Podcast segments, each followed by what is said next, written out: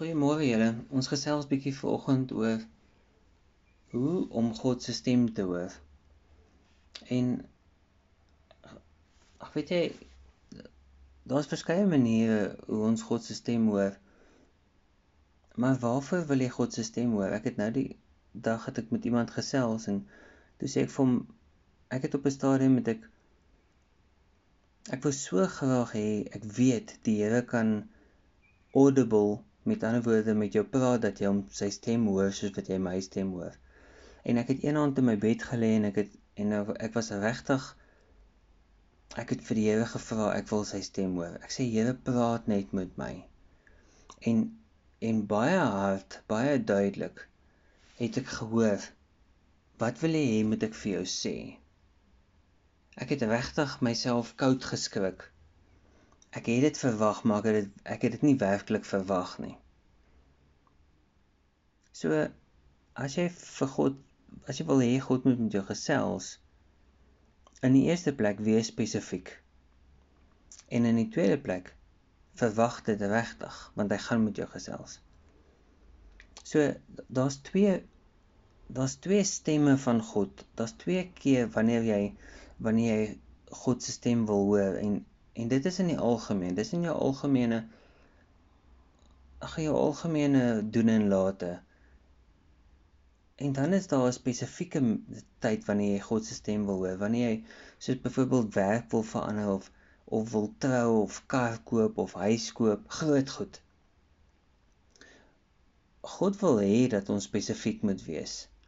So probeer Probeer 'n gewoonte aankweek om as jy met God gesels, gee hom die detail. Weet 'n spesifieke woord elke wan en dan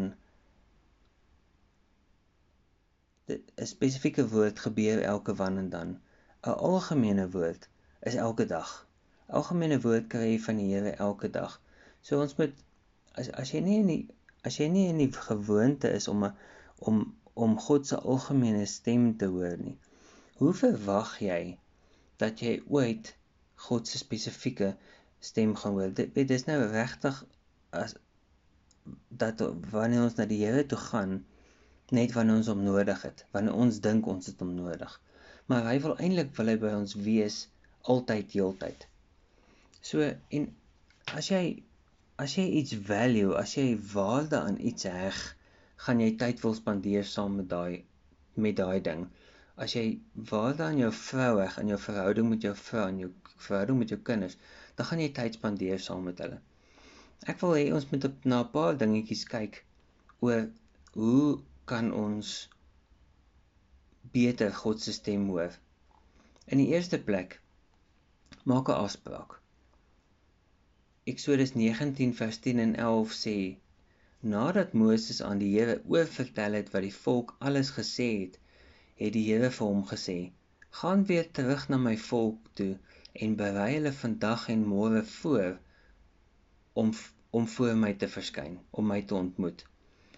Hulle moet reg wees op die 3de dag, want op daardie dag gaan die Here voor hulle oë na die Sinaï berg toe afkom." Wat wat het Moses hier gedoen? Moses het na God toe gegaan en Moses en God het vir Moses verduidelik, maar weet jy wat maak 'n afspraak met die volk? Sê sê vir die volk, hulle moet hulle moet 'n tyd afstaan om met my te kom gesels, om met my by my te wees. Vers 19 gaan hy verder en hy sê die trompet het al harder en harder geblaas. Moses het gepraat en God het hom met donderslae geantwoord. As jy na God toe gaan, as jy vir God vra, moenie soos ek wees wat nie verwag het dat hy met jou gaan praat nie. Hy gaan met jou praat. Die geheim is net jy moet luister. Jy moet reg wees. Leef met 'n verwagting want hy gaan met jou gesels. So God het vir Moses gesê, weet jy wat, gaan en gaan berei die volk voor. Berei hulle voor dat hulle in 'n verwagting gaan lewe. So As jy wil hê God moet jou hoor, is dit baie eenvoudig. Berei voor. Berei voor met ander woorde, lees jou Bybel gereeld en verwag dit. As jy nie as jy nie 'n afspraak met hom gaan reël nie, dan gaan jy dalk dit mis. En ek wil nie dit mis nie. Ek wil nie mis dat die Here opdaag en ek is nie daar nie. Ons ons maak afsprake met mense en ons ons kom dit na. Ek is taamlik ek is taamlik stiptelik op my tyd. Ek probeer wees want ek respekteer ander mense se tyd. Ek respekteer ander mense. Dis hoekom ek probeer ek probeer stiptelik wees as ek 'n afspraak het met mense. Hoekom wil jy nie 'n afspraak maak met die belangrikste persoon in jou lewe nie? Die een wat regtig vir jou kan gee wat jy wil hê nie. Die een, een wat regtig vir jou kan kan sorg nie. Hoe hoe maak ek 'n afspraak? Dis baie maklik. Jy jy maak 'n tyd vas en jy maak 'n plek vas. So wat is die beste tyd vir almal? Vir vir vir vir enige iemand. Dis nie vir almal dieselfde nie. Vir my ek het 'n spesifieke ek is in die oggend, ek probeer in die oggens ek staan nie dou voor dag op nie want ek het relatief genoeg tyd deur die dag om dit te doen. So ek staan ek staan op en ek verkies dit om soveel as moontlik dit te doen. Want ek wil hê God moet my lei deur my dag. Wat is die tweede punt? Wees stil en aanbid God. Psalm 46 vers 10 sê: Wees stil en weet ek is God. Dan gaan Eksodus 14 vers 13 en 14 sê Moses het die volk geantwoord: Moenie bang wees nie. Staan staan net daar waar jy is en kyk hoe die Here vandag julle vandag gered. Wag en kyk. Die Here sal in julle plek veg. Hierdie vers het vir my soveel beteken in die afgelope tyd. Ek het nie nodig om 'n baie op te skop of om of om enigstens te veg nie. Ek gee dit oor aan die Here en hy doen dit vir my. Dan sê 2 Kronieke, ek wil dit vir julle in die Engelse Bybel uitlees, 2 2 2 Chronicles 20:21. After consulting the people, the king appointed singers to walk ahead of the army, singing to the Lord and praising him for his holy splendor. This is what they sang. Give thanks to the Lord, his faithful love endures forever. So maak God se naam groot. Hulle sing tot eer van God en en terwyl hulle so gesing het, kom God en hy en hy laat almal Moab en die see en die seeberge daai mense almal onder mekaar beklei. Hulle hulle begin veg onder mekaar. Die Israeliete staan en kyk hoe roei hulle mekaar uit. Hoe roei God hulle vyande uit. So elkeen van ons het het gevegte, het battles elke dag in ons werk, met ons ges gesondheid, met ons finansies. Gee dit vir God. Staan stil en kyk hoe hy jou jou wese verslaan. Handelinge 13 vers 2 sê: "’n Keer toe hulle bymekaar was om die Here te dien en om te vas, het die Heilige Gees gesê: sonder Barnabas en Saulus vir my af om die werk te doen waarvoor ek hulle geroep het. Wanneer jy gaan begin stil word en God loof en prys, dan begin die Heilige Gees met jou praat. Dan praat God met ons. Dan moet ons net luister. Wat is die derde my derde punt? Bid en lees. Bid gedurig. Pray continuously sê Tessalonisense bid en lees jou Bybel. Dis dis hierdie hierdie struktuur gaan sal vir almal werk. Jy gaan jy gaan bietjie bietjie hier en daar gaan jy bietjie tweak daan. Maar hierdie hierdie punte wat ek vir jou gee is iets wat vir almal gaan werk. Markus 1:35 sê nog voor dagbreek die volgende oggend het Jesus opgestaan en alleen op 'n stil plek gaan bid. Jesus het 'n afspraak gehad met sy Vader. Hy het 'n tyd gehad, hy het 'n plek gehad en hy het gebid.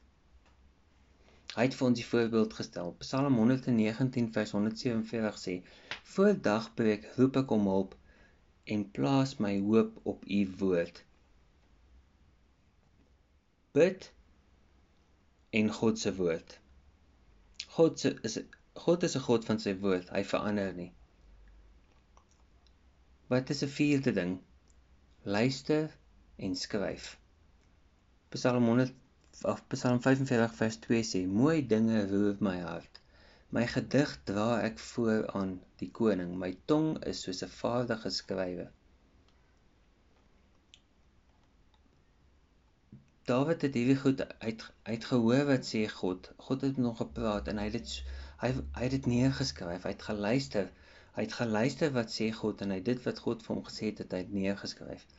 En dank Vader hy het dit neergeskryf en dan kan ek en jy kan dit vandag nog lees en ons kan vandag nog daar leef uit dit wat Dawid hoeveel jare terug gedoen het vir ons, geskryf het vir ons. So skryf neer maak dit eenvoudig vir almal om te lees en te verstaan. Ek wil vir jou ietsie vra. Heg jy nog waarde aan God se stem, aan God se woord? Dis dis iets om oor te wonder. Kom ons vat gou saam. Die beste manier om te leer en te hoor hoe om hoe om God se stem te hoor is om neer te skryf wat hy vir jou sê.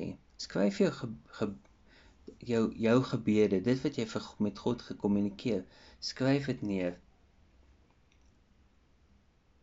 Skryf neer wat jy dink God antwoord jou op jou gebede. En dan skryf jy ook neer wat jy wat jy dink God sê vir jou as jy sy woord gelees het. Jy gaan verbaas wees. Jy gaan geskok wees om te sien hoe vinnig jy nodig het om neer te skryf, hoe ver hoe hoe meer jy dit doen. Want God gaan met jou God gesels met jou vinnig. God gesels met jou elke dag. So, weer vra ek vir jou 'n vraag. Heg jy nog waarde aan God se stem, aan God se woord? Heg jy nog waarde daaraan om om stil te raak en om God se woord te lees? Kom ons bid saam. Here Jesus, dankie dat U goed is vir ons. Dankie dat U Ag, dankie dat ons U stem kan hoor. Dankie dat ons U woord het om te leer uit. Help ons om afsprake te maak. Help ons om U te loof en prys. Alles ons alleen. Al lyk ons hoe stupid in ons kar as ons sing tot eer van U naam. As ons sing van die grootheid.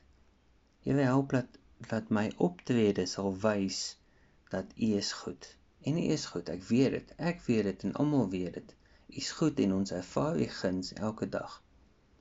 Vader, dankie. Dankie dat U tyd maak vir my. Ek bid dit in Jesus se naam. Amen. Vrede vir julle.